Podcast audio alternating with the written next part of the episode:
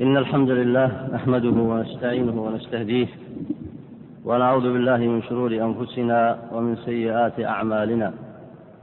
من يهده الله فلا مضل له ومن يضلل فلا هادي له. وأشهد أن لا إله إلا الله وحده لا شريك له. وأشهد أن محمدا عبده ورسوله. اللهم صل وسلم وبارك على عبدك ورسولك محمد وعلى آله وصحبه أجمعين. أيها الإخوة الفضلاء السلام عليكم ورحمة الله وبركاته. هذا هو الدرس الخامس والعشرون من كتاب الاعتصام للإمام الشاطبي رحمه الله تعالى. وهذا الفصل عنون له المصنف بقوله الوجه الخامس من النقل ما جاء في ذم الرأي المذموم.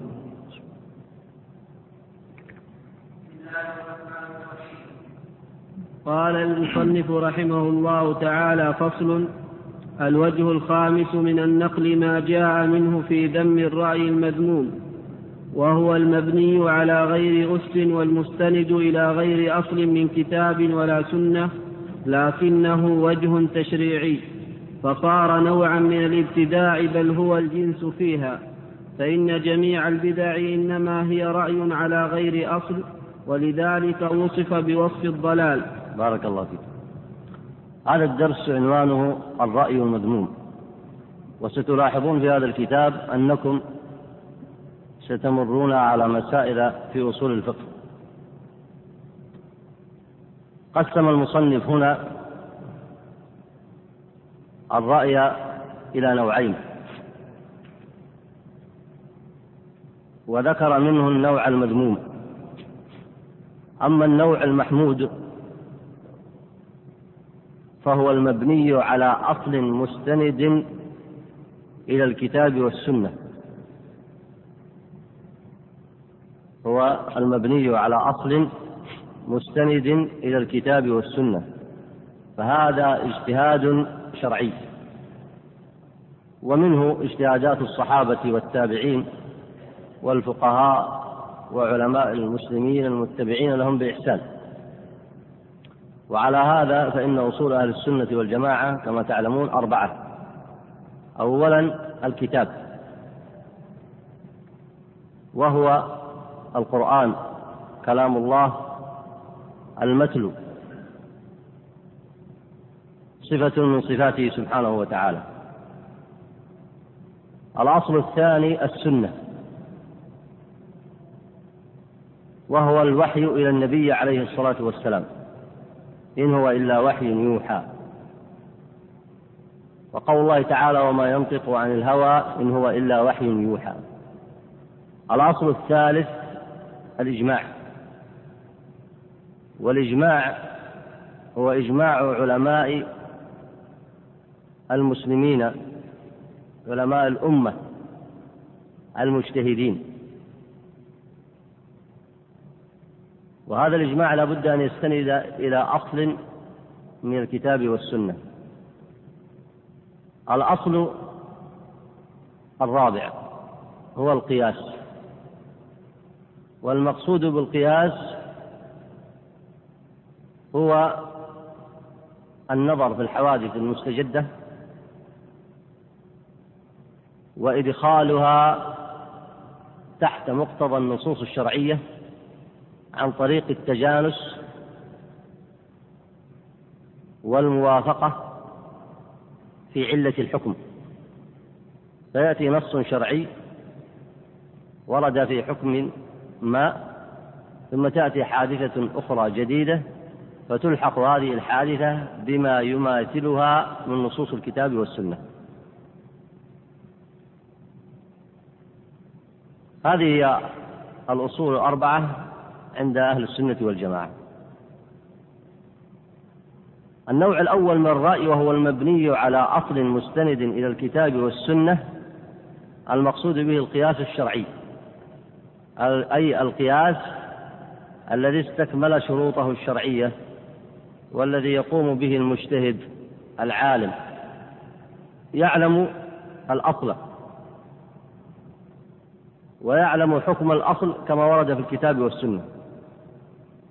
وينظر في الحادثة الجديدة ويعرف مماثلتها لما سبقها من الحوادث التي ورد النص عليها من الكتاب والسنة. ثم بعد ذلك يشابه بينها في الحكم. فالقياس مبني على أربعة أركان. الركن الأول وهو الأصل وحكم الأصل. فالأصل وحكمه هو ما ورد به النص. والثالث هي المسألة الجديدة وما يسميه الفقهاء والأصوليون يسمونه الفرع أي المسألة الجديدة التي نريد أن نعرف حكمها. وسموه بالفرع مثل فرع الشجرة لما يتفرع عنها. لأنه إذا رد هذا الفرع لحكم الشرع فكان الفرع مرتبطا بالشجرة فكذلك هذا الفرع مرتبط بماذا؟ بحكم الشرع. فهو فرع عن ذلك الأصل. وأما الحكم في ذلك الفرع فسموه أيضا حكم الفرع فالذي حكم على الأصل من هو؟ الله سبحانه وتعالى الشرع بنص الكتاب أو بقول النبي عليه الصلاة والسلام والذي أمر بنقل الحكم إلى الفرع من هو؟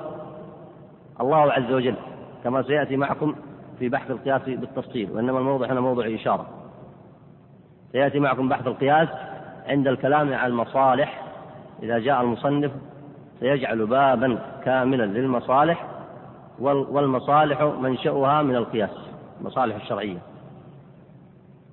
وهنا الفرع الذي أمر بنقل الحكم له هو الشارع. ثم بيان حكم الفرع. وهذه هي الثمرة. فأنتم إذا أمام حكم شرعي في الأصل أمر المجتهد بنقله إلى الحادثة الجديدة لأنها تشابهه والنتيجة هي حكم شرعي في الفرع معلوم بالاجتهاد. الشرعي هذا هو الرأي الممدوح.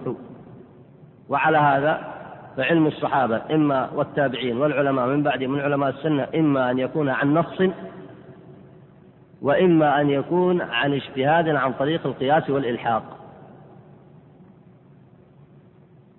هذا هو الرأي الأول وهو المبني على النوع الأول وهو المبني على أصل مستند إلى الكتاب والسنة.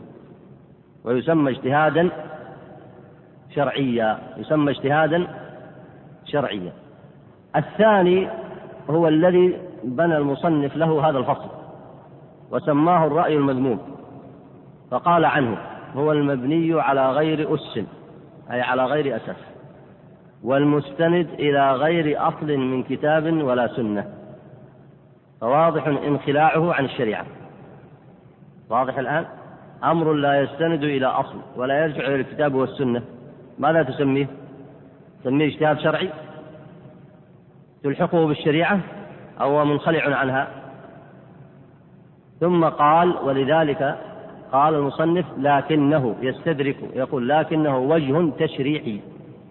لاحظوا هذه العبارة لكنه وجه تشريعي. الرأي الأول الممدوح وهو العمل بالقياس اسمه وجه تشريعي ولا اجتهاد شرعي؟ ها؟ اجتهاد شرعي وهنا الرأي الثاني المذموم اسمه ماذا؟ ماذا سماه المصنف؟ من يبين الفرق بين التسميتين الأول باتفاق العلماء يسمونه اجتهاد شرعي والثاني سماه المصنف وجه تشريعي ما الفرق بين التسميتين تفضل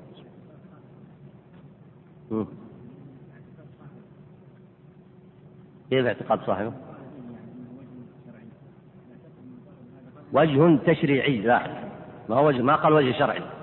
لاحظوا الفرق بين وجه شرعي اجتهاد شرعي ووجه تشريعي. ها؟ الشرع الشرعي الاجتهاد الشرعي مبني على أصل من الشرع. أحسنت والتشريع؟ مضى أحسنت. التشريع يقصد به هنا أنه تشريع من عند أنفسهم لم يبنه على نص من الكتاب ولا السنة. ومضت معكم أو مضى معكم الكلام عن التشريع من دون الله. مضى معكم الكلام أو لا؟ وذكر المصنف هذا القول وهو أن التشريع من دون الله هو نظر بالرأي في إنشاء العقائد والمذاهب والأحكام بدون مستند من الشريعة.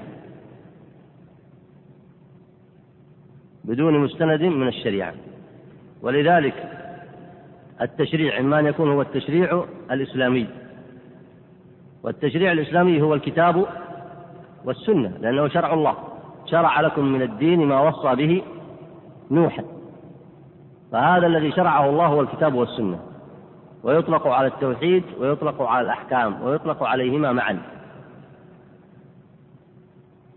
والتشريع من دون الله الذي قال الله عز وجل فيه أم لهم شركاء شرعوا لهم من الدين ما لم يأذن به الله فنحن نعرف الأول وهو التشريع الإسلامي بأن الله أذن فيه من أين نعرف ذلك؟ ها؟ من أين نعرف ذلك؟ بأن الله أذن فيه من أين؟ نعرفه من القرآن والسنة فما ورد في القرآن والسنة فنعلم أنه شرع الله الذي أذن الله فيه لنا وأمرنا فيه بعبادته وطاعته وتوحيده واتباع شريعته. والتشريع من دون الله الذي هو من جنس فعل الكفار كما قال الله عز وجل أم لهم شركاء؟ أي جعلوا لهم شركاء مع الله يشرعون لهم الدين في العقائد والأحكام جعلوا لهم شركاء مع الله يشرعون لهم ما لم يأذن به الله. أم لهم شركاء؟ شرعوا لهم من الدين ما لم يأذن به الله. فلاحظوا هنا قول المصنف وجه تشريعي أي لما لم يكن مستندا إلى أصل من الكتاب والسنة صار وجها تشريعيا وليس اجتهادا شرعيا. فلاحظ الفرق الآن بين التشريع من دون الله وبين الاجتهاد الشرعي. الاجتهاد الشرعي مستنده ماذا؟ الكتاب والسنة إذا سألت مثلا إماما من الصحابة أو من التابعين أو أحمد أو الشافعي أو إماما من أئمة السلف أو مفتيا يفتي بالشرع فقال الفتوى في هذه المسألة كذا وكذا والدليل عليها كذا وكذا اجتهاده هذا مستند إلى أصل ولا ما هو مستند إلى أصل؟ مستند إلى دليل أو لا؟ جئت له فقلت هذه الحادثة جديدة نريدك الآن أن تفتينا مثلا في آه، البطاقة الائتمانية مثلا أو تفتينا مثلا آه، في المسألة الفلانية. فقال هذه حلال والدليل عليها كذا وهذه حرام والدليل عليها كذا. والمقصود المثال هنا. فإذا قال المفتي ذلك وذكر الدليل استند إلى الشرع أو لا؟ فاجتهاده شرع أما إذا بنى على رأي مطلق لا يستند فيه إلى دليل من كتاب ولا سنة ولا إجماع ولا قياس. فهل هذا الرأي مستند إلى الشرع؟ أم هو وجه تشريعي؟ فهو وجه تشريعي كأنه شرعه من عند نفسه. كأنه شرعه من عند نفسه. فإما أن يكون خطأ ومثاله ما يقع في الفتوى خطأ فهذا لا شك أن صاحبه إن بذل جهده فيه فيدخل في قول النبي عليه الصلاة والسلام إذا اجتهد الحاكم فأصاب فله أجران وإذا اجتهد فأخطأ فله أجر لماذا؟ لأنه في الحالين يرجع إلى ماذا؟ يرجع إلى نصوص الشرع فقد يصيب وقد يخطئ فله أجران على إصابته ورجوعه إلى الشريعة وأما في الثاني إذا أخطأ له أجر على رجوعه إلى الشريعة لاحظتم؟ هذا بالنسبة للرأي الأول وهو الرأي المستند إلى أصل من الكتاب والسنة. الثاني هو الذي نصب المصنف له هذا الفصل ليبين الدليل على ذم الابتداع. والمصنف كما تعلمون هنا أطال نفسه في هذا الأمر. وتخلل بحثه مسائل أصولية كثيرة لعلكم تلاحظونها وتدونون ما يتعلق بها. فقد أطال في المسائل السابقة واعتمد على العموم في تفسير النصوص ما لم يكن للعموم مخصص وهذه مسألة أصولية مهمة ينبغي لطالب العلم أن ينتبه لها. أما هنا فهذه مسألة أخرى وهي الكلام عن القياس الفاسد أو الرأي المذموم وسماه هنا وجها تشريعيا. قال فصار نوعا من الابتداع بل هو الجنس فيها فإن جميع البدع إنما هي رأي على غير أصل ولذلك وصف, وصف, وصف ولذلك وصف بوصف الضلال أي الابتداع. والأمثلة الآن توضح هذا. فتأمل مثلا ابتداع النصارى مبني على أصل. ولذلك هو تشريع عندهم سواء في عقائدهم أو في أحكامهم. ابتداع اليهود في دينهم مبني على أصل. ليس مبنيا لأنهم ابتدعوا في التوحيد. فإنما هو رأي من عند أنفسهم لم يبنوه على ما جاء به موسى عليه السلام. وكذلك النصارى ابتدعوا في التوحيد وفي الأحكام وأشركوا بالله وذلك خلاف ما جاء به عيسى عليه السلام من التوحيد والتبشير بالنبي محمد صلى الله عليه وسلم. البدع المشهورة فيما مضى وفيما انتشر في هذه الأزمان. من المذاهب الفكرية المعاصرة مثلا العلمانية مبنية على أصل تشريع على مبنية على الشرع الإسلامي فهي تشريع من دون الله وكذلك الشيوعية لأنها ليست مبنية على دين من عند الله فهي تشريع من عند الله وقسم وراء ذلك من الضلالات كمذاهب المبتدعة من المعتزلة والخوارج والمرجئة كما سبق الإشارة معكم فإنها مبنية على غير أصل من كتاب أو سنة. وعلى هذا فهي رأي. فإذا تأملت هذا الأمر علمت أن آفة البشرية من اتباعها آرائها وأهوائها وتركها ما أنزله الله عز وجل من الإسلام على الرسل جميعا عليهم الصلاة والسلام. وأنتم تعلمون كما درستم أن ما من رسول إلا وهو يجدد ما جاء به من قبله من الرسل عليهم الصلاة والسلام. ولذلك حجر الله عز وجل على عقول البشرية حجر عليها أن تدرك الغيب الذي عنده سبحانه وتعالى. فأعلمها بصفاته وأعلمها بالتوحيد وأعلمها بما يجب عليها من الأحكام والشرع. وجعل هذا دينا وأوجب عليها الاتباع. فأكثر البشرية ترك ذلك وهم أعداء الرسل والمخالفون للرسل سواء من أهل الكتابين أو من غيرهم أو من المبتدعة في هذه الأمة تركوا ذلك وأنشأوا لهم آراء. إذا تأملت هذه الآراء في عقائدهم وفي أحكامهم علمت أنها لا تستند إلى أصل من الكتاب والسنة. ومن ثم صارت صارت رأيا مبتدعا. وهذا هو وجه إيراد المصنف هنا للرأي المذموم يعني كأنه يريد أن يقول إن الابتداع في الدين عند الأمم الأخرى وفي هذه الأمة أصله وسببه الرأي المذموم. الرأي الذي لاحظ عد مرة أخرى لأول كلامه. الرأي المبني على غير أس. والمستند على غير أصل من كتاب ولا سنة. ومن ثم وهو وجه تشريعي. وهو نوعان كما سيأتي معكم أيضا على التفصيل فيما بعد. إما التشريع المطلق الذي عند أهل الكتابين وفي القوانين الوضعية. فهؤلاء إذا شرعوا هل يقولون نرجع إلى الكتاب والسنة ونرى ما فيها؟ أو يشرعون من عند أنفسهم مطلقا؟ هذا يسميه العلماء وسيسميه المصنف هنا فيما بعد التشريع المطلق. وهو شأن أهل الكتابين والأمم الأخرى. ولذلك أنشأوا لهم القوانين الوضعية وما في حكمها لا يرجعون إلى كتاب ولا سنة لأنهم أصلا لا يؤمنون بالإسلام ولا يتبعون النبي عليه الصلاة والسلام. وأما ما كان عند أهل البدع في هذه الأمة فهو وجه تشريعي أيضا. ها؟ لكن الفرق بين الأول والثاني أن الأول مطلق لا يرجعون إلى الكتاب والسنة. والثاني في المبتدعة في هذه الأمة يرجعون إما إلى شبه أو تأويلات فاسدة. لاحظت؟ وكلاهما وجه تشريعي أي ليس مبنيا على أصل من كتاب ولا سنة إلا أن الأول مطلق لا يرجعون إلى الكتاب والسنة أصلا والثاني يرجعون وينتسبون إلى الكتاب والسنة. فلاحظوا هذا المعنى فهو من المعاني الدقيقة الذي بنى المصنف عليها كتابه الاعتصام. أي نعم.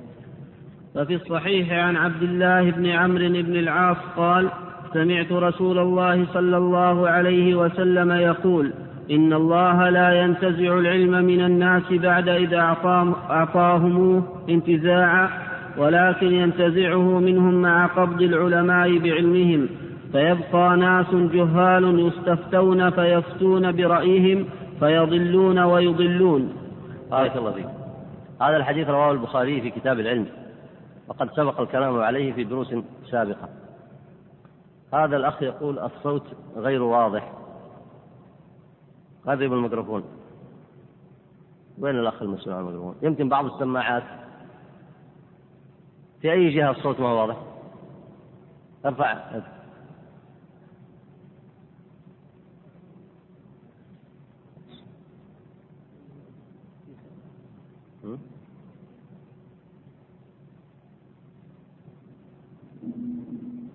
وأظن في الجهة هذه سوق ذروان أو مشوش. ترى القبب هذه أصلا آه، بالمناسبة كانت مصنوعة في مساجد المسلمين من قبل لأنها توزع الصوت. القبب هذه مصنوعة أصلا بطريقة هندسية عند المسلمين من قبل. ما عندهم ميكروفونات. إذا تكلم الإنسان ما عنده ميكروفون فالقبب هذه يوزع الصوت بعضها على بعض. ها؟ فتحدث فتساعد على نقل الصوت. إذا كان في ميكروفونات في بعض الأحيان قد تؤدي إلى تشويش تشويش الصوت.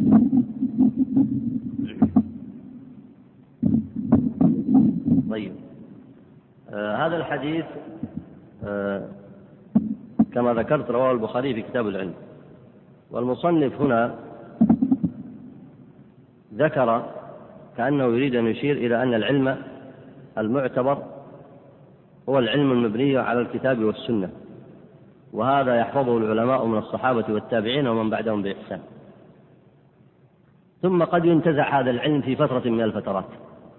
والانتزاع ليس من المقصود منه انتزاعا كليا ولكن ينتزعه منهم مع قبض العلماء بعلمهم فإذا قبض هؤلاء العلماء في أماكن معينة فترتب على ذلك نقص العلم فمعنى هذا أن في هذه الجهة أو في تلك الجهة أو في ذلك الإقليم أو في ذلك المكان نقص في العلم. فهنا هذا النقص يأتي قوم آخرون فيبقى أناس جهال. فهؤلاء قد أو في كثير من الأحوال لا يستحي أحدهم فيقول لا أعلم فيفتون برأيهم فيضلون و فيضلون ويضلون. هذا معنى انتزاع العلم وإلا فإن القرآن لا يرفع كما هو معلوم إلا في آخر أيام الدنيا. يعني إذا قاربت القيامة رفع القرآن. لكن قد ينتزع من مواطن بأسباب كثيرة بسبب تفريط أهلها بسبب جهلهم بسبب قلة آه، طلاب العلم بسبب ظهور البدع.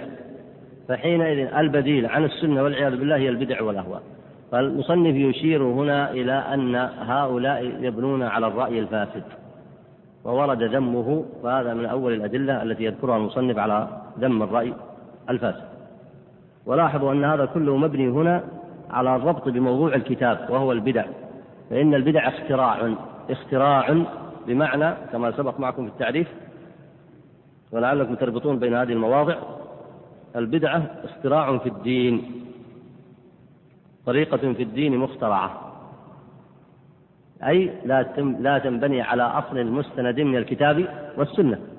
هذا هو الرأي المذموم. أي نعم. فإن كانت كذلك فذم الرأي عائد على البدع بالذم لا محالة.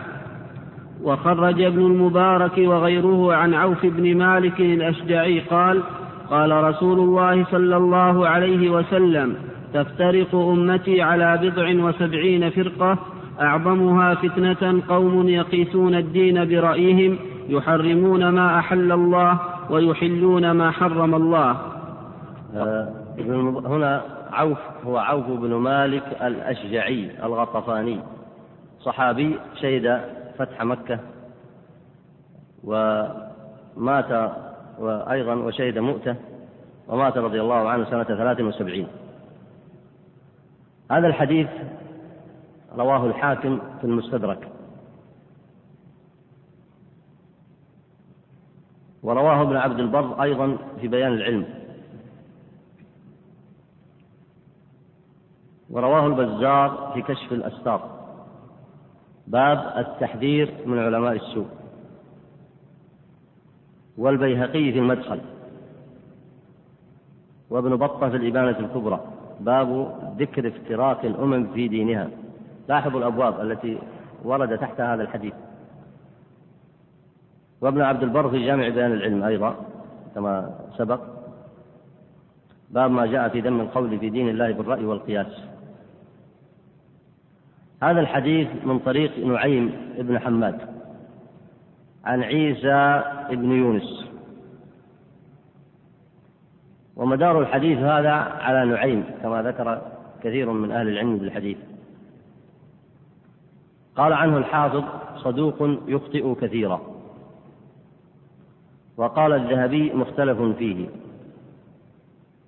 وقال عنه يحيى ابن معين يهم ولم ينسب إلى الكذب. وكل من حدث به إنما أخذه عن نعيم بن حماد. ومن العلماء من ذهب كالبيهقي في المدخل قال حديث منكر. وفي الصحيح كفاية وغنية. المصنفون في بعض, في بعض الأحيان قد يذكر أدلة كثيرة على الباب الذي يريد. والدليل الواحد يكفي في بعض الأحيان. فقد يورد مثلا عشر أدلة يكون منها تسعة مثلا أدلة صحيحة. أو يورد خمسة يكون منها أربعة. أو يورد مثلا ثلاثة يكون منها دليل صحيح. كاف في بناء المسألة في ذم الرأي. وما لم يصح نبه العلماء عليه. هذا الحديث لعل من الأسباب آه، في القول بنكارته عند من قال ذلك أنهم رأوا أن هذا الحديث في افتراق الأمة. وافتراق الأمة فيه أحاديث صحيحة كما سبق معكم. بل عدها بعض العلماء من المتواتر المعنوي. أو أشبه بذلك. وهي افتراق هذه الأمة على 73 فرقة. لكن الزائد في هذا الحديث أعظمها فتنة قوم يقيسون الدين برأيهم. يحرمون ما أحل الله ويحلون ما حرم الله. فهذه الزيادة رأوا أنها لم تثبت إلا من طريق نعيم لم ترد إلا من طريق نعيم بن محمد وكما ذكر ابن معين وغيره أنه يهم. ولعلهم اعتبروا هذا من وهمه وهذه الزيادة. فإن كان المقصود بأن سبب الإيهام عنده هو ما رأوه من النكارة في هذا اللفظ فاللفظ هنا أعظمها فتنة قوم يقيسون الدين برأيهم. ليس فيه نكارة من حيث المعنى. اللهم إلا إن كانوا يقولون كيف تكون هذه أعظم من الفرق الأخرى لأن هذا الحديث أشار إلى افتراق الأمة وفرقها كثيرة جدا. وهي وإن كانت تنتسب إلى الإسلام لكن بعضها خرج إلى بدع ووقع في طوائف كثيرة وقع في أفراد كثيرة من أهل البدع وقعوا في الكفر في البدع المكفرة. وهذا أعظم فتنة من ما ذكر من القول بالقياس المذموم لأن هذا الحديث أورده ابن عبد البر في ذم القياس المذموم وهو الرأي الذي نشأ عند أهل الكوفة والعراق. لأنه نشأ الرأي المذموم مقابل أهل الحديث وهذا فيه تفصيل. فالحاصل هنا الحديث هذا كما سمعتم فيه كلام آه، أهل الحديث فيه لا يرون أن هذه الزيادة يقوى هذا السند على تصحيحها. والله أعلم. طيب. قال ابن عبد البر هذا هو القياس على غير أصل والكلام في الدين بالتخرص والظن ألا ترى إلى قوله في الحديث يحلون الحرام ويحرمون الحلال ومعلوم أن الحلال ما في كتاب الله وسنة رسوله تحليله والحرام ما كان في كتاب الله وسنة رسوله تحريمه. فمن جهل ذلك وقال فيما سئل عنه بغير علم وقاس برأيه ما خرج منه عن السنة فهذا الذي قاس برأيه فضل وأضل ومن رد الفروع في علمه إلى أصولها فلم يقل برأيه. ولاحظوا هنا أن كل من سيتكلم عن الرأي المذموم لا بد أن يتكلم عن الرأي الممدوح. فالرأي نوعان كما سلف في أول الكلام. وهنا ابن عبد البر أشار إلى الرأي المذموم وهو المبني على غير أصل وأساس من الكتاب والسنة.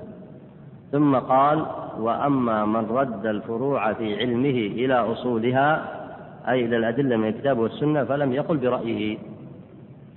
قد تبين لكم وجه ذلك. قد تبين لكم وجه ذلك فإن من رد إلى الكتاب والسنة واجتهد في معرفة أحكام الحوادث الجديدة وبناها على نصوص الكتاب والسنة فهذا في الحقيقة لم يقل برأيه وإنما قال بمقتضى ما فهمه وعلمه من شريعة الله عز وجل. ولذلك هذا الرأي الممدوح هو ما كان مستندا إلى أصل شرعي من قياس ونحوه طيب اقرأ بارك الله وخرج ابن المبارك حديثا إن من أشراط الساعة ثلاثا وإحداهن أن يلتمس العلم عند الأصاغر. قيل لابن المبارك من الأصاغر؟ قال الذين يقولون برأيهم فأما صغير يروي عن كبير فليس بصغير. بارك الله هذا الحديث آه، أشار إلى تخريج الشيخ سليم الهلالي هنا جزاه الله خيرا. قال أخرجه ابن المبارك الزهد. من طريقه أبو عمرو الداني في السنن الواردة في الفتن. واللالكائي في شرح أصول اعتقاد أهل السنة. وغيرهم. من طريق ابن لهيعة عن بكر بن سوادة عن أبي أمية الجمحي أن رسول الله صلى الله عليه وسلم قال فذكره. وزاد قال ابن المبارك الأصاغر أهل البدع. قال هنا المحقق قلت هذا إسناد جيد. لأن الحديث من رواية أحد العبادلة عن ابن لهيعة وهي رواية مستقيمة. وقد أعله الهيثمي في مجمع الزوائد به. الضمير يرجع إلى من؟ إلى ابن لهيعة. ماشي. فلم يصب لأن الحديث من رواية ابن المبارك عنه. وإذا كان من رواية ابن المبارك؟ إذا كان أصلا ابن لهيعة ضعيف فما تغني عنه رواية ابن المبارك. من يستطيع يذكر الجواب. ابن لهيعة مشهور الكلام فيه. ها؟ من يذكر الجواب؟ تفضل.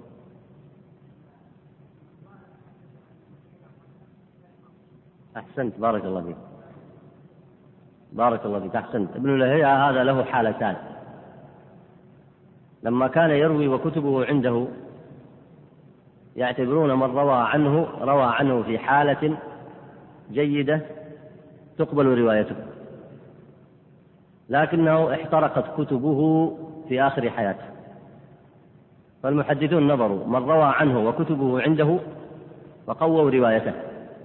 ومن رووا عنه بعد احتراق كتبه فلم يلتفتوا إلى روايته. وهذا يشير إلى غير المتخصصين وينبه إلى الجهد العظيم الذي بذله علماء الحديث في معرفة الرجال. فهنا ابن المبارك كأن المحقق يريد أن يقول هنا أن ابن المبارك روى عنه قبل احتراق كتبه. فلما روى عنه قبل احتراق كتبه فروايته هنا معتبرة وصححه الألباني وغيره. أيضا وله شاهد عن ابن مسعود. رضي الله عنه. روي مرفوعا وموقوفا. الشاهد في الحديث هنا عند المصنف أنه أورده على ذم الرأي المذموم وذم البدع. ولاحظوا مرة يورد على ذم البدع ومرة يورد على ذم ها الرأي المذموم لأنه من جنس واحد. مرة يورد على الرأي المذموم لأنه لا أصل له ولا مستند. ومرة يورد على البدع كما سمعتم في التعريف وهي مخترعة لا أصل لها ولا مستند. فهنا أورد الحديث على ذم الأصاغر والأصاغر هم أهل البدع. باقي مشكلة نشأت عند كثير ممن لا يعرفون حقيقة العلم الشرعي. وممن أيضا لا يلاحظون طبيعة نشأة هذه الأمة. فإذا أتوا لمن عنده علم مثلا في العشرين أو في الخمسة والعشرين استكثروا عليه أن يقول بما عنده من العلم. وهذه لعلكم آه، تشعرون أنها نشأت في كثير من العصور المتأخرة. ولعل سبب ذلك يرجع إلى أن الشباب في هذه السن المبكرة إذا علم السنة وقوي قلبه عليها وعرف مقتضى الدليل الشرعي فإن المثبطات دونه تكون قليلة. ويكون تأثير الواقع فيه أقل لأنه قد لا يكون متأثرا بأعراف فاسدة ولا بآراء فاسدة فتكون السنة أقوى في قلبه. وحينئذ يعلمها وينشرح صدره لها. وقد يعارض من هو أكبر منه. فالحجة بين المتعارضين في أي شيء؟ فإن تنازعتم في شيء فردوه إلى الله والرسول إن كنتم تؤمنون بالله واليوم الآخر. لكن كثير من الناس لا يلزم هذا المنهج فيقول هؤلاء كيف يتكلم في العلم؟ وكيف يقول قال الله ورسوله؟ وكيف يضبط الدليل؟ وهو صغير. إذا رجعتم طبعا يصير الصغير 25 سنة ويصير 30 وهو صغير فتختلف يختلف الميزان. الشافعي ذكروا عنه أنه أفتى وهو أظن في الثامنة عشر. وابن عباس رضي الله عنهما كان يأتي به عمر بن الخطاب في مجلس مشورته وكان يسمع منه. وعامة أصحاب رسول الله في من نصره كان كثير منهم من الشباب. فلاحظوا الحجة ولاحظوا النشأة. فصغير يروي عن كبير كما قال هنا فأما صغير يروي عن كبير فليس بصغير. صغير يروي عن علم الصحابة يروي علم التابعين يحفظ علم السنن ليس بصغير. وإنما الحجة فيما معه من الدليل والحق. لكن مشايخ البدع ويبلغون في السن عتية فإذا جاءهم العلم الصحيح الصريح فإنهم يستثقلونه. فإذا رأوه من إنسان مثلا حتى لو في حدود العشرين أو وعشرين أو غير ذلك نكروا ذلك. وقالوا من أين جئت بالعلم؟ ذلك فضل الله يؤتيه من يشاء. العلم محفوظ في الكتب. فقد يكون هذا حفظ ما لم تحفظ. والحجة لمن حفظ. والسند العالي لمن كان معه علم من كتاب ومن سنة وإن كان ليس بكبير السن. وقد دخل رجل على عمر بن عبد العزيز هو وقومه. فلما تكلم قالوا كبر كبر. ولم يكن مع معه من قومه من يحسن العلم والكلام مثله وهو أصغرهم سنا فقال يا أمير المؤمنين لو كان الأمر بالسن لكان في المسلمين من هو أولى بمقامك هذا. فكانت حكمة بديعة. فلاحظوا هنا تفسير الأصاغر. من هم الأصاغر؟ قال هم أهل البدع. وإن كانوا كبارا. لأنه إذا دعا إلى البدعة وإذا نصب الحديث الضعيف وإذا نصب المسألة على غير أس وإذا بنى على رأي مذموم فإنه لا عبرة بعلمه لأن علمه ليس مبنيا على الكتاب والسنة. لاحظتم؟ وأما صغير يروي عن كبير فليس بصغير. فهذه المسألة تعود إلى ثلاثة نقاط. أما الأولى من حفظ العلم فهو من الأكابر. وأنتم تعرفون ابن عباس كان شابا. لكن كان حافظا وكان عمر يقدمه رضي الله عنهم جميعا في مشورته. الأمر الثاني من لم يضبط العلم ويعمل به فهو من الأصاغر. وإن كان عند الناس أو عند كثير من الناس كبيرا. الثالث أن عامة أصحاب رسول الله في من نصره أول أمر أمره كما علمتم كانوا من الشباب. أي نعم. اقرأ بارك الله وخرج ابن وهب عن عمر بن الخطاب رضي الله عنه أنه قال أصبح أهل الرأي أعداء السنن أعيتهم الأحاديث أن يعوها وتفلتت منهم. قال سحنون يعني البدع. أي نعم. أصبح أهل الرأي أعداء السنن لأنه إذا بنى على الرأي المذموم لا يستند فيه على كتاب وسنة. جاء له صاحب السنة فقال أنت خالفت الحديث الصحيح. فماذا يصنع؟ سيأتي معكم في الآثار التي بعده يستحي أن يعود إلى الحق فماذا يصنع؟ يؤول الأحاديث والقرآن ويبقى على آرائه الفاسدة وكان الأولى به لو كان من أهل الإيمان والتقى والصدق في طلب النجاة أن يتبع الرأي الصحيح وأن يتبع مقتضى الكتاب والسنة وإن كان الرأي الفاسد الذي هو عليه كان يعيش عليه خمسين عاما مقتضى الإيمان والقوة والعزيمة أن يترك من ذلك الذي بناه على رأي مذموم أن يتركه ويتبع الحق فيما تبين له.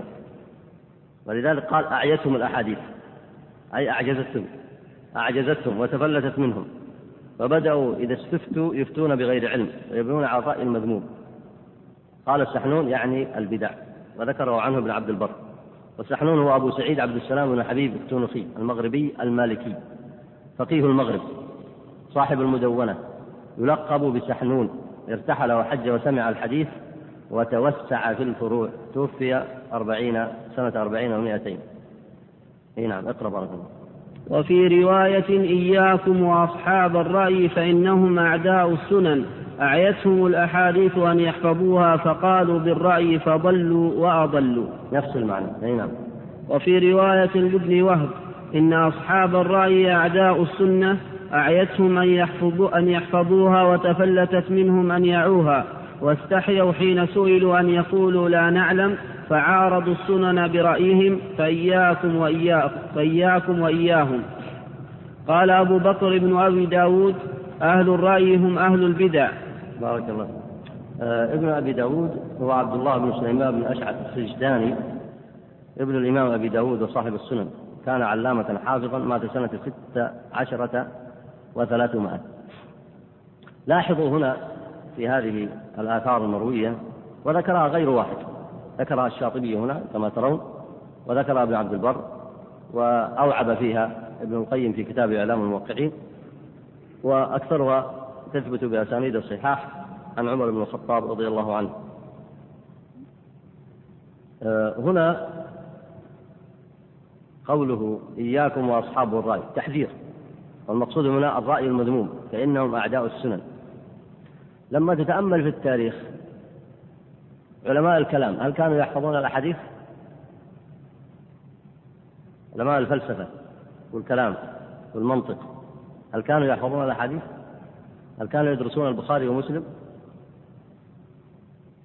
فهؤلاء أعيتهم الأحاديث ولم تمتلئ قلوبهم بالسنة بسنة النبي محمد صلى الله عليه وسلم أرأيت إذا كونوا أفكارهم ومذاهبهم ستكون على أس مستند وأصل مستند من الشريعة والكتاب والسنة وإلا ستكون على اجتهادات فاسدة وآراء مذمومة طبعا فاقد الشيء لا يعطيه فاقد الشيء لا يعطيه. ما دام ما يعلم السنن كيف يبني فكره على صواب؟ وقس على ذلك الذين يتمللون من العلم الشرعي ولا يصبرون عليه وهو كثير جدا في أهل البدع. وسبق معكم أمثلة كثيرة في هذا الكتاب. فإن من فقد العلم كيف يبني فكره على علم صحيح وعلى سنة راشدة. هذه الإشكالية إذا تأملت فيها هي إشكالية المفكرين عموما إلا من رحم ربه. إشكالية المفكرين التأثر حسب النشأة. مثلا إنسان ينشأ في حول مدرسة مثلا أو منطقة أو بلد معين تنتشر فيه الفلسفة وعلم الكلام فيتأثر بذلك. ويبني على ذلك سنة سنتين عشر سنين عشرين سنة. قد لا يسمع يطرق عقله آثار السنة كما هي عند الصحابة رضوان الله عليهم. فيكون قناعات كثيرة جدا. قد يطلع بعد ذلك على علم وقد لا يطلع. وإذا اطلع قد يرجع عما كان عليه وقد لا يرجع. كل هذه الصور موجودة. قد ينشأ مثلا في مذهب معين. في مذهب اعتقادي معين. مثلا ينشأ وحوله مثلا المعتزلة ينشأ وحوله الشيعة مثلا. ينشأ يتأثر بعلمانية مثلا. مثلا خرج إلى أوروبا ودرس كان يكون فكرة طيبة عن الإسلام. لكن لما راح هناك قيل له أن هناك مسائل جديدة وأن الواقع تغير وأن الشريعة ما تحكم كل شيء وأنه كذا. فبدأوا يعطونه يكونون له قناعات. وهو لم تثبت السنة في قلبه ولم تثبت النصوص الشرعية في قلبه. ثم بعد ذلك قد يكون مثلا يأخذ شهادة كبيرة في تخصصه في علم الاجتماع أو علم النفس أو علوم التربية أو أي علم من العلوم ويكون قناعات ويبدأ يتأثر بالفكر الموجود الذي درسه. فلما يأتي فيسمع النصوص الشرعية ومقتضاها يجدها تخالف ما عنده. وهنا أيضا احتمال يرجع إلى الصواب. واحتمال ألا يرجع إلى الصواب. فيؤول هذه النصوص أو أنه يعرض عنها مطلقا. هذا كله إذا تأملت أحوال المفكرين تجد هذا واضحا بارزا. وقس على هذا على أمثلة كثيرة. فهنا هذه الإشكالية اللي بحسب النشأة أو الدراسة أو ضعف العلم نقص العلم الشرعي والنقص طبيعة البشر. يعني النقص وحده وليس بتهمة. النقص طبيعي. إنسان ما علم. لكن الذي لا الذي لا يقبل أنه إذا علم ينبغي عليه أن يتبع العلم. وهذا تجده في نفسك. قد مثلا تتبع مسألة غير صحيحة. فأنت هنا ما لم تطلع على العلم الشرعي يرجى لك أن تكون في سعة إن شاء الله ما تطلع ويتبين لك الحق. فإذا تبين لك الحق ولم تكن مفرطا قبل ذلك إذا تبين لك الحق فهنا لا بد أن تتبع الدليل. فإن لم تتبع الدليل هنا فلا عذر لك. فلاحظوا هذه الإشكالية وهي موجودة بارزة الآن في العصر الحاضر. باردة لمن درس الفكر الإسلامي في هذا العصر. فتجد مفكر إسلامي يميل يستحسن كثيرا من العلمانية. تجد مفكر إسلامي يميل إلى نوع من التصوف. تجد مثلا مفكر آخر يميل مثلا إلى قومية مثلا. تجد مفكر آخر أو فقيه يستحل مثلا أو يحلل أنواع معينة مجمع على تحريمها تجد مثلا مفكر آخر لا يعمل بأخبار الواحد بالعقيدة مثلا. من أين جاءت هذه الإشكاليات؟ ثم إذا جاء النصوص الشرعية وقف. فإما أن يؤولها لتوافق ما نشأ عليه. وإما أن يتملى من العلم الشرعي ويبدأ يصنع من نفسه مفكرا آه، كما يقولون يفكر خارج خارج النص أو نحو ذلك. هذه الإشكالية نشأت من هذا الباب وتأملوا الإشارات هذه في مثل هذه الآثار التي منها ما هو منقول عن عمر بن الخطاب ومنها من هو ما هو منقول ممن بعده لكن أكثرها في القرن الأول. تأملوا رفض هذه المشكلة ويعتبر الانتباه لهذه المشكلة الحقيقة تنبيه عظيم. ولذلك من حفظ علم السلف وتنبه لمثل هذه الآثار حذر على نفسه وهو يطلب العلم الشرعي. وحتى وإن لم يكن بصيرا بالعلم إياك أن تكون قناعات إلا بعد أن تسأل خاصة في القضايا المهمة. يعني قناعاتك في الأمور الدنيوية هذا أمر يخصك. وإن كان أيضا مبنية على المشورة العاقل يشاور حتى في أمور دنيا لكن في أمور آخرتك في العلم في الفتوى في العقود التي تعقدها في الأعمال التي تعملها حتى في الفروع حق عليك أن تستفتي. لماذا؟ حتى تحصل العلم الذي تتنور به. فما بالك في تفكير في مذاهب فكرية أو تفكير في أصول أو تفكير في قضايا عامة أساسية في الدين؟ كيف تصنع ذلك بعيدا عن النص الشرعي؟ فهنا التنبيهات التي وردت تحذر من أمثال هؤلاء لأن النهاية الحقيقية لكثير منهم بعد التعصب المذموم يصبحون أعداء السنن.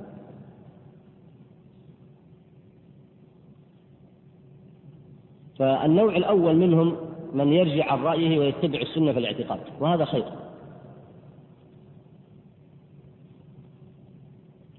الثاني منهم والعياذ بالله وهم كثير من يستمر على رأيه بعد العلم بالسنة. ويتعصب لمذهب بدعي مخالف لها بالسنة ويعارضها وهؤلاء مشهورون بمخالفة مذهب السلف. والأمثلة على هذا كثيرة جدا كما سبق معكم. فالمفكرون هنا ينقسمون إلى هذه الثلاثة الأقسام. القسم الأول كما سبقت الإشارة إليه والقسم الثاني. القسم الثالث منهم من يموت وهو لم يطلع على تلك السنة. ويسلم من التعصب لمذهب بدعي. وتكون زلته بسبب نقص العلم عنده لا بسبب التعصب والمكابرة والمعارضة. وهذا في العموم يناصر مذهب السلف. ويحذر من البدع وإن تناقض أو زل في بعض المسائل لخفاء السنة عليه. وسيرد لكم في هذا في هذا الكتاب أمثلة. وأضرب لكم أمثلة توضح هذا المعنى. الآن أضرب لكم مثال واحد. أبو الحسن الأشعري رحمه الله. كان على مذهب المعتزلة أربعين عاما. حتى تلاحظون النشأة كيف تؤثر في المفكرين. كان على مذهب المعتزلة أربعين عاما. فهو بعد أربعين عام رجع عن مذهب المعتزلة. ثم رد عليهم ونصر السنة. فرجع في أكثر أموره لاتباع السنة وذلك خير كما ذكر في كتابه الإبانة. ورجع إلى مذهب السلف. فهو ليس من النوع الثاني الذي استمر على رأيه بعد العلم بالسنة وتعصب لمذهب بدعي. وحتى ما قد يجده العلماء عنده من بعض المسائل من الزلل الذي يرون أنه لم يضبط فيه مذهب السلف فهو أشبه بالنوع الثالث. قد لا يكون اطلع على السنة فيه اطلاعا كاملا. لكنه تجده يتعصب لمذهب السلف وينصر مذهب السلف ولا يتعصب لمذهب بدعي. فهذه التقسيم في المفكرين ينبغي لطالب العلم أن يتأمله ليحذر وهو في طريقه في طلب العلم.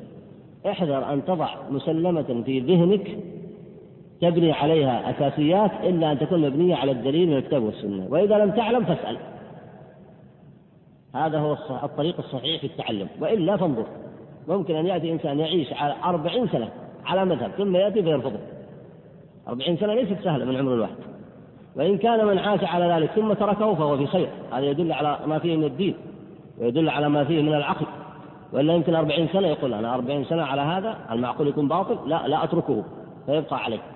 فرجوعه يدل على أن فيه من الدين والفضل والعقل وطلب النجاة خير كثير وينبغي لطالب العلم أن يتأمل هذا. وما أكثر المفكرين في هذا العصر الذي يبني آه، قناعات فكرية متأثرة إما بأفكار بالغزو ما يسمونه بالغزو الفكري أو بأفكار بدعية من الفرق السابقة ثم بعد ذلك تعرض عليه السنة فيؤولها يمينا وشمالا أو لا يلتزم بها ويصر على ما كان عليه. ويتعصب لمذهب من المذاهب البدعية المشهورة. ولا شك أن هذا آفة حذر منها آه، الصحابة في مثل قولهم إياك وأصحاب الرأي فإنه أعداء السنة. لأن كل من بنى فكره على غير دليل صحيح فإنما بناه على الرأي المذموم. أي نعم اقرأ بارك الله وعن ابن عباس رضي الله عنه قال من أحدث رأيا ليس في كتاب الله ولم تمض به سنة من رسول الله صلى الله عليه وسلم لم يدر ما هو عليه إذا لقي الله عز وجل. وعن ابن مسعود رضي الله عنه قراءكم يذهبون ويتخذ الناس رؤوسا جهالا يقيسون الأمور برأيهم. الأول الذي ذكره عن ابن عباس أخرجه الدارمي في سننه. قد سبق أيضا في الدروس الكلام عليه في الدروس السابقة. وأيضا ما ذكر عن ابن مسعود أخرجه ابن عبد البر. وهو يشير هنا أيضا إلى نفس المعنى الذي نصب له هذا الباب وهو القياس المذموم. أي نعم. اقرأ بارك الله وخرج ابن وهب وغيره عن عمر بن الخطاب أنه قال السنة ما سنه الله ورسوله لا تجعلوا خطأ الرأي سنة للأمة. وخرج وهذا هنا يبين لكم منهجا عند علماء السنة. رحمهم الله جميعا. السنة ما سنه الله ورسوله وهي محفوظة في كتاب الله وسنة النبي عليه الصلاة والسلام. آراء المجتهدين لاحظوا هنا الاجتهاد المقصود به الاجتهاد الشرعي. إما أن تكون مبنية على النصوص هذا لا إشكال فيه. مقتضى النص. وإما أن تكون اجتهادات ملحقة بالنصوص فهنا يحتمل أن تكون صوابا ويحتمل أن تكون خطأ. وأعيد لكم الحديث كما سبق حديث عبد الله بن عمرو بن العاص في الصحيح أن النبي عليه الصلاة والسلام قال إذا اجتهد الحاكم والمقصود بالحاكم هنا يدخل فيه المجتهد يعني المقصود الحاكم العارف بالشرع المجتهد فيه ويلحق به العالم المجتهد في الشرع. إذا أخطأ الحاكم فأص... إذا إذا إذا اجتهد الحاكم فأصاب فله أجران وإذا اجتهد فأخطأ فله أجر. الأول معلوم لماذا يكون له الأجران. قال العلماء أجر على اجتهاده وأجر على إصابته. الثاني له أجر على خطئه يعني أجر على بذل اجتهاده في طلب الصواب. وخطأه مغفور له إذا بذل اجتهاده في معرفة الحكم الشرعي في مسائل الاجتهاد السائر. لأن مسائل الإجماع هذه لا كلام فيها. هذه مسائل الاجتهاد مثل تحريم الربا تحريم الخمر آه، وجوب الأمر بالمعروف والنهي عن المنكر تحريم الشرك آه، الأمر بالتوحيد. الأمور المعلومة من من أصول الدين وأساسات وأساسيات الشريعة. في الفروع إذا اجتهد في المسائل الاجتهادية فأخطأ فله أجر على اجتهاده لأن الله لا يضيع جهده. اجتهد. وبذل اجتهاده لمعرفة الحكم الشرعي. لكنه أخطأ. النبي عليه الصلاة والسلام قال إذا أخطأ فهل نجعل خطأه أساسا للأمة؟ ولا ماذا نصنع في خطأه؟ خطأه يرد عليه بالتي هي أحسن. ويوضح أنه خالف الدليل. ويبين للأمة هذه المخالفة. لماذا؟ حتى لا تتخذه الأمة سنة. لاحظتم الآن هذا المنهج وهو منهج قوي في الدعوة والتربية والتعليم. لا تجعلوا خطأ الرأي سنة للأمة حتى وإن كان من الحاكم المجتهد. لاحظ إذا اجتهد الحاكم فأصاب. حاكم مجتهد عالم بالشرع. ما يسمى مجتهد إذا كان عالم بالشرع. يعرف الأدلة من الكتاب والسنة. ثم يلحق به العالم المجتهد العارف بالنصوص الشرعية. فإن أصاب فأجران أجر على اجتهاده وأجر على خطأه. لكن قد يخطئ وهو كثير جدا فإن العالم ليس بمعصوم والمجتهد ليس بمعصوم. فإن أخطأ فلا يجوز أن يجعل خطأه سنة للأمة.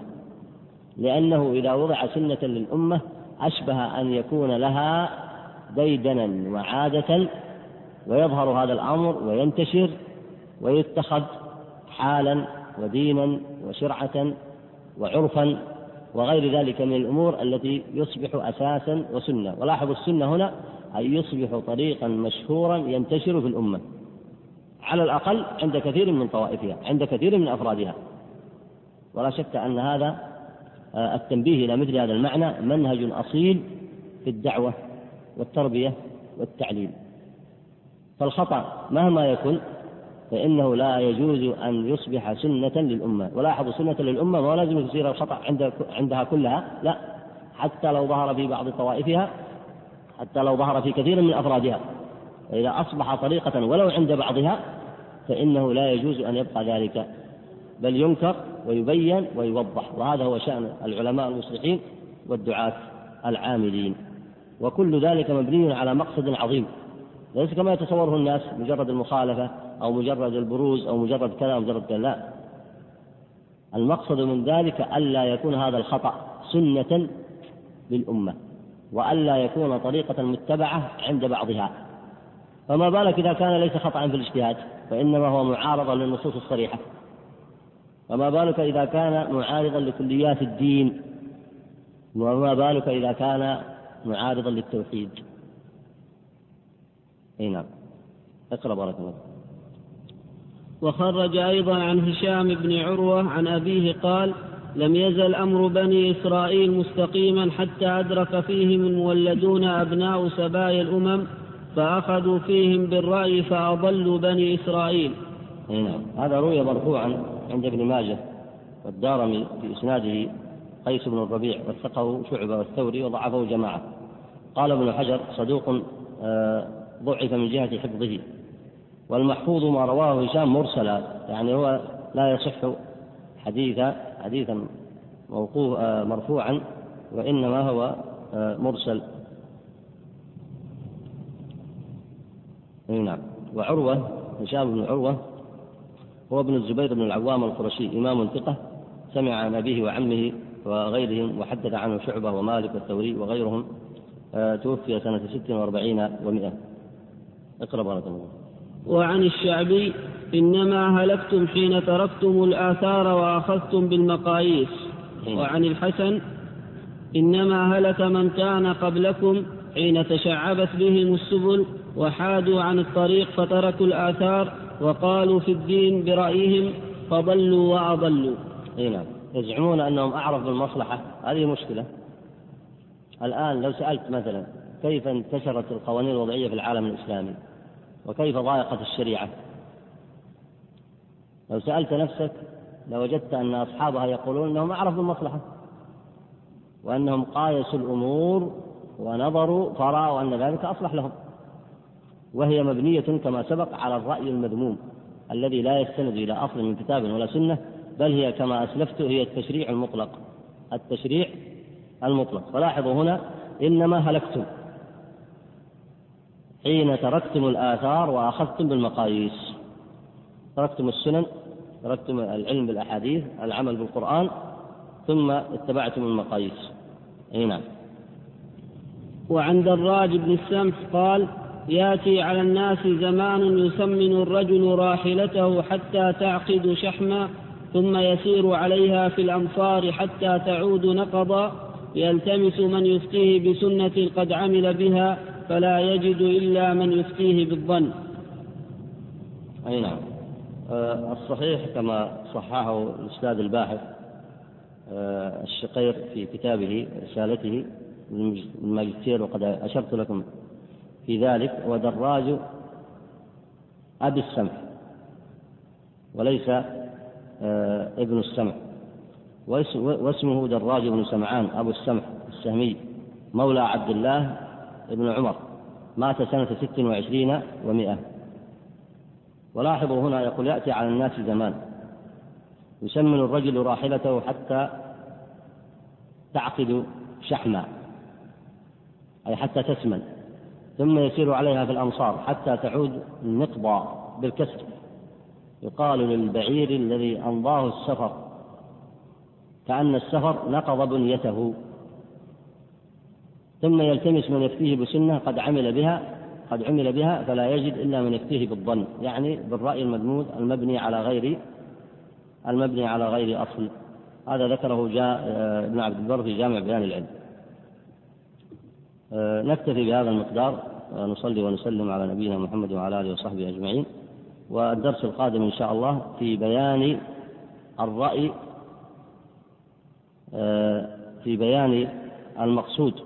بهذه الأخبار والآثار على سبيل التفصيل وسينقل المصنف هنا عن ابن القيم وغيره ويقارن بين النصوص التي سبقت. نعم. الحمد لله والصلاة والسلام على رسول الله. هذا السؤال الأول آه، يذكر هنا آه، يقول أحدث الناس آه، ضجة حول صيام عاشوراء وقالوا كيف العمل؟ صام الناس الأربعاء على أساس أنه يوم التاسع وبعضهم صام الخميس على أساس أنه يوم العاشر. وبعد ذلك جاءت الفتوى أنه يوم الخميس يوم التاسع وأن يوم الجمعة هو يوم العاشر. آه هذه المسائل ينبغي للناس أن يأخذوا أنفسهم فيها برفق. فإن الخطأ فيها وارد لأنها من مسائل الاجتهاد السائغ كما تعلمون. وقد يأتي الإنسان مثلا فيجتهد بناء على رؤيا أو فتوى أو سماع أو لا يتبين له شيء. فيبني مثلا على الإتمام على إتمام الشهر الذي قبله. وقد ينضبط له ذلك وقد لا ينضبط. فإن صام يوم الخميس والجمعة أو صام الأربعاء وألحقه بالخميس فإنه إن شاء الله يؤجر على حسب اجتهاده. وهذه المسألة ذكرها الفقهاء في كتبهم. في أعظم من ذلك في أعظم من يوم صيام يوم عاشوراء وهو أنهم لو أخطأوا مثلا وصاموا يوم العيد فإنه لا شيء عليهم فإذا علموا بذلك أفطروا وصلوا العيد وكذلك إذا أخطأوا في يوم عرفة فإنه فإن حجهم صحيح كما نص العلماء على ذلك ولا يعودون للوقوف في اليوم الذي بعده. فهذا الأمر من تفقه في الدين علم أنه لا يحتاج إلى ضجة يحتاج إلى تعلم نعم. ويحتاج إلى معرفة. ومن اجتهد إن شاء الله فصام الخميس أو الجمعة أو صام الذي قبله فإنه يرجى له الأجر بمشيئة الله سبحانه وتعالى. هذا السائل يقول من أخطأ في بعض الأمور العقدية وزل زلات عظيمة ولكنه لم يرجع هل يقال عنه مبتدع ويحذر من كتبه؟ ثم إذا لم يساغ أو إذا لم يسغ أن يقال مبتدع فهل يجوز من تلك الأخطاء. فهل يحذر من تلك الأخطاء ببيان ذلك للأمة. أما قوله زلات عظيمة فإن كانت تشبه الزلات الفرق الضالة المشهورة أو أنه اتجه وتأثر مثلا بمذهب علماني أو غيره آه، فإن هذه الزلات العظيمة قد تقربه إذا كانت في أصل من أصول أهل السنة المشهورة فإنه تذهب به إلى تلك الفرقة. فإن بنى على مناط من مناطاتها وأصل من أصولها فإنه أشبه بها. وحينئذ يدخل في اسمها لأن هذا بحث سيأتي معكم على التفصيل. وأنا أترفق بطلاب العلم أن آه، يترفقوا بأنفسهم حتى تتضح لهم المسائل. وسيأتي بحث معكم في الكلام عن الفرق الضالة وحكمها. وهذا مبني على أن كل فرقة تميزت بأصل من الأصول. فمن قال به فإنه ينتسب إليها بلا ريب. ولا كرامة. كما من انتسب إلى أصل أصل المذهب العلماني فإنه ينتسب إلى العلمانية ولا كرامة. لكن هذه تحتاج إلى تبين وتحتاج إلى تأمل. فإن كانت الزلات دون ذلك كان يدخل على الإنسان شيء من التأويل كما هو في بعض آه، المتأخرين حتى دخل على بعض أهل الحديث التأويل في بعض الصفات أو نحو ذلك. فهذا ينظر فيه بحسبه ويقال أنه زل في هذه المسألة لكن ينظر إلى شأنه فإن كان مجتهدا في نصرة السنة والعمل بها والعلم بها والدعوة إليها فإنه ينحاش إلى علماء السنة ويذكر اجتهاده وفضله كما هو معلوم آه، في كثير ممن اشتغل بعلم الحديث فإنه دخلت عليه أو وقع في بعض الزلات من التأويل. وهذا منهج وسط عند أهل السنة في حفظ رجالاتهم وفي حفظ علمائهم وسيأتي لذلك تفصيل إن شاء الله لأن هناك مواضع خاصة في هذا الكتاب في مثل هذه المسائل. قوله هنا لفظ مفكر إسلامي هل هناك خطأ في اللفظ؟ بمعنى أن الإسلام ليس مجال للتفكير؟ مفكر إسلامي لفظ مجمل. فينقصد به أنه مفكر يرجع إلى الإسلام ويستقي منه أفكاره فبهذا القصد لا إشكال في هذه العبارة. يعني رجل أو عالم أو إنسان باحث يرجع إلى الإسلام ويفكر في ضوئه وينطلق من أحكامه ونصوصه. هذا معنى مشروع لا شيء, لا, لا شيء فيه. وإن كان المقصود أنه مجرد تسمية لكن في حقيقته لا يبني على السنة ولا يرجع إلى النصوص فهي دعوة وما أكثر الدعاوى. لكن كل إنسان بحسبه. يقول هنا هل الخروج في وقت الأذان للوضوء فيه مشابهة للشيطان عند الفرار من الأذان؟ لا. الخروج لمقصد شرعي لا بأس به. يقول هنا كثرت المؤلفات في موضوع العذر بالجهل ويتعارض بعضها ببعض فإني حائر جدا. فالرجاء تبين هذه المسألة. هذا الكلام صحيح فإن في المكتبات كتب كثيرة. منهم من يقول الجهل عذر بإطلاق في الشرك. لو أن الإنسان ارتكب أمرا شركيا. ومنهم من يقول العذر آه، الجهل ليس بعذر أصلا. ومنهم من يفصل لكن الذين يفصلون قليل. وقد قال ابن القيم وغيره من المحققين إذا رأيت المطلقات فارم بها. فالأقرب التفصيل وهذه المسألة كما يقول العلماء طويلة الذيل وتحتاج أيضا لطالب يحتاج طالب العلم أن يترفق بنفسه فيها وسيأتي أيضا تفصيل لها في هذا الكتاب إن شاء الله تعالى. أي نعم لكن ليست من المسائل التي يمكن الجواب عليها في سؤال مختصر. لأن الكتب في هذا الموضوع كثيرة في السوق تتجاوز تقارب العشرات. أي نعم فينبغي الاحتياط في مثل هذه الإطلاقات والتأمل وعدم التسرع في مسائل العلم. يقول هنا أنا رجل أختلط مع أناس من جميع الأشكال وأسافر كثيرا. والمجتمع الذي أعيش فيه فيه من البدع ما الله به عليم. وعلمي بسيط جدا وأريد أن أدعو إلى الله في هذا المجال. لكن ما هي الكتب التي تشير علي أن أقرأها؟ وبأي طريقة أبدأ فيها؟ وبأي طريقة أبدأ؟ آه، بطلب العلم خصوصا أني رجل غير مستقر في بلدي. الذي لا يستقر في مكان ما يستطيع يطلب العلم إذا كان كثير السفر. آه، لا يستطيع إلا إذا كان يستقر في بعض المواطن وفي بعض الأماكن ولو في بعض الأحيان. ثم ينظر أهل السنة فيتعلم عنهم نعم قد يستفيد أيضا من الرحلة. لكن ظاهر السائل أنه آه، لا يقدر على طلب العلم الشرعي ويريد بعض الكتب التي تساعده في ذلك. ومن الكتب التي ممكن أن نشير إليه بها عقيدة أهل السنة والجماعة آه، للدكتور ناصر العقل. ما يحضرني اسم الكتاب ضبطه. كذا. أصول عقيدة أهل السنة والجماعة. فيشتري هذا الكتاب فإن فيه تحذيرا من البدع وفيه بيان للأصول فيحفظها ويعمل بها ويدعو إليها. يقول هنا تحدثت عن الشباب ودورهم في تبليغ دين الله وبكل وسيلة مشروعة ولكن هناك بعض الناس لا يقوم بدوره ويثبط الذي لا يقوم بدوره لا عليك منه أنت قم بدورك بالوسائل المشروعة واصبر. وتعلم وعلم ما علمك الله يشرح الله صدرك ويعينك وينفع بك. وأما الذي يثبطك لا عليك منه. انصحه وذكره بالله عز وجل وامضي في طريقك. يقول هنا هل يثبت رؤية الهلال بالعين المجردة؟ نعم تثبت كما هو معلوم.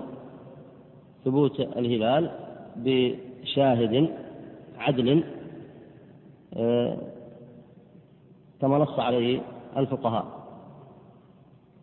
يقول هنا ما موقف الأمة تجاه الفتن التي تحدث بسبب هذه الفتن؟ يعني لعله يقصد بها السبب بسبب الاختلاف في رؤية الهلال. وهل يجوز اتهام العلماء المخلصين بتقصير في هذا المجال؟ ومن المؤسف أن هذا يحدث كل عام في بداية كل موسم من مواسم الخير. نحن الآن لسنا في رمضان لكن يبدو أنه تذكر هذا الموضوع مع صيام يوم عاشوراء. الرؤية تثبت بشاهد العدل. يثبته القضاء الشرعي فإذا ثبت في القضاء الشرعي فإنه حينئذ رؤية معتبرة. وفي حديث عن النبي عليه الصلاة والسلام الصوم حين يصوم الناس والفطر حين يفطرون. فالعبرة بما اجتهد بما ثبت عن طريق الاجتهاد الشرعي كما هو معلوم في نصوص الشريعة ثم ظهر في الناس وتبين فإذا صاموا فصم ولا حرج عليك. وإذا أفطروا فافطر ولا حرج عليك سواء أصابوا أو أخطأوا. والأمر في ذلك واسع. فتصور الناس أن كل مسألة من مسائل الاجتهاد السائر أو التي يقع فيها الخطأ أنها ترتب عليها فتنة هذا سبب نقص في العلم الشرعي. بدليل أنهم في مسائل من البدع كبيرة ومخالفات كترك الصلاة ومخالفات في انتشار أنواع من الشرك والبدع لا يرون أن هذا يحدث فتن مع أن هذا هو أصل الفتنة والعياذ بالله. الشرك وترك التحاكم إلى الشريعة هو أصل الفتن فتجد كثير من الناس ما يحضر من هذا. لكن في مسائل الاجتهاد السائغة التي يقع فيها الخلاف يقيم الدنيا ويقعدها. فينبغي لطالب العلم أن يكون فقيها. يقول هنا هل يطبق على الأحناف أنهم أهل الرأي؟ آه، المذكور عن أبي حنيفة رضي الله عنه ورحمه الله والمذكور عن أصحابه. كما ذكر ابن القيم في إعلام الموقعين وغيره أنهم كانوا يقدمون الحديث الضعيف. والمقصود به ما قارب الحسن يقدمونه على القياس عندهم. لكن نشأ في الكوفة الرأي المذموم عند أهل البدع المخالفين للسنة. والذي أشكل على الحنفية في ذلك إنما هو بسبب أن فيهم من توسع في القياس. فإن أهل المدينة كانوا أحفظ للحديث والناس في العراق لم يكونوا يحفظون الحديث. فحفظ أهل الحجاز والمدينة ومكة كانوا أحفظ للحديث كما هو معلوم. ومن كان أحفظ للآثار فإنه أتقن للاجتهاد لأن الاجتهاد مبني على الأدلة. فقصر العلم عند أهل العراق بلا ريب وانتشر عندهم الوضع فمال بعضهم إلى القياس. وصار قياسه نوعين قياسا فاسدا وهو مبني على الرأي المذموم وقياس صحيح وهو ما لم يخالف الكتاب والسنة. وما صنعوه من القياس الصحيح يحمدون عليه وما صنعوه من القياس الفاسد يذم ذلك فيهم. أما ما علم عن أبي حنيفة فكان موقرا للسنة فإنه رحمه الله ذكر سئل زفر عنه وعن أبي يوسف قال هل كان أبو حنيفة يشتغل بالكلام؟ أي بعلم الكلام المشهور عند أهل البدع. قال لم أعرف ذلك وإنما كان مشيختنا كأبي حنيفة وأبو يوسف ومحمد كانوا يقتفون الأثر. أما أن أما أنه كان عندهم نقصا في العلم بالحديث فذلك معلوم وهذا السبب الذي جعل أقيستهم تنقسم إلى قسمين. قياس يعارض النص لجهلهم به وقياس صحيح يوافق النص. وما أخطأوا فيه من معارضة النص يرد عليهم ويبين الصواب فيه كما هو معلوم لمن درس الفقه المقارن وما خالفوا فيه الجمهور. فالصواب في الغالب أكثره مع الجمهور من المالكية والشافعية والحنابلة. ذلك لأن هؤلاء كانوا أحفظ للحديث وخاصة كما هو معلوم من شأن الشافعي وأحمد ومالك. فهؤلاء خاصة مالك قد كتب بالحديث وألف وأحمد معروف بكثرة حفظه بالحديث والشافعي ناصر السنة كما هو معلوم. فينبغي أن يفرق بين الرأي الذي يؤدي إلى الخطأ في القياس وبين الرأي الذي يؤدي إلى الخطأ في الصفات وفي العقائد الأخرى ولعل في الدرس القادم آه، تكون هناك آه، إشارة موسعة لهذا بمشيئة الله. يقول هل يكفي للشخص تبليغ العلم الصحيح أم لا بد من الاقتناع؟ لا المقصود بالتبليغ أن تبلغ بالحكمة والموعظة الحسنة وأن تبلغ تبليغا صحيحا. وأن تعيده مرة ومرة وتكشف الشبهة حتى يتم الاقتناع بقدر ما تستطيع.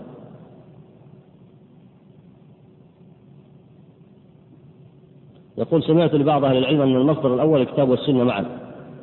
وانتقد القول بأن الأول الكتاب والثاني والسنة. هذا على حال الأمر فيه واسع. المقصود الكتاب والسنة أي الوحي. المقصود الكتاب والسنة أو الوحي. فإذا قلت الوحي أصبح مصدرا واحدا. وإذا قلت الكتاب والسنة قصدت التقسيم للبيان. وإنما المصدر الأول لا ريب هو الوحي. ومنه ينبثق القياس ومنه ينبثق الإجماع.